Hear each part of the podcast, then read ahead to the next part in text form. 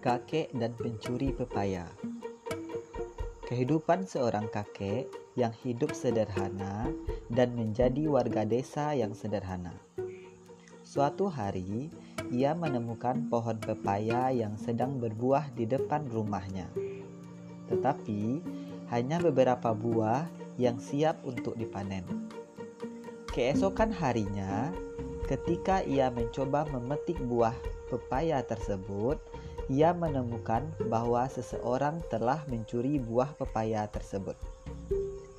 Sang kakek tampak depresi karena pepaya tersebut dan istrinya sedih karena hal tersebut. Rupanya, lelaki tua tersebut bertanya-tanya, betapa sulit bagi orang yang mencuri buah pepaya ia harus bersembunyi di tengah malam agar tidak ketahuan dan harus berjuang memanjat dalam kegelapan untuk mengambilnya. Keesokan harinya, lelaki tua itu dengan sengaja meminjam tangga dan meletakkannya di bawah pohon untuk berjaga-jaga jika pencuri itu datang kembali. Tetapi keesokan harinya, kakek justru masih menemukan buah pepaya di pohon tersebut.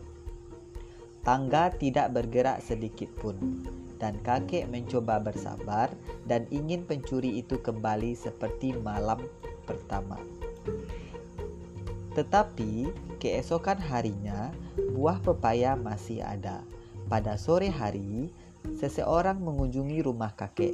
Ia memiliki beberapa pepaya besar di tangannya. Ia adalah seorang pemuda yang belum pernah terlihat sebelumnya.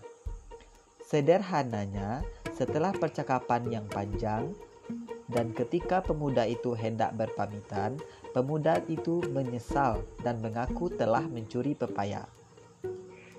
Sebenarnya, saya ingin mendapatkan sisa buah pepaya pada malam berikutnya. Tetapi, ketika saya melihat tangga di bawah pohon, saya melihat bahwa saya terkesan dengan kebaikan pemilik pohon pepaya dengan keramahan dan kesabarannya. Sejak itu, dia memutuskan untuk tidak mencuri lagi, tetapi dia mengembalikan pepaya kakek untuk menebus dan membeli pepaya sendiri di pasar. thank you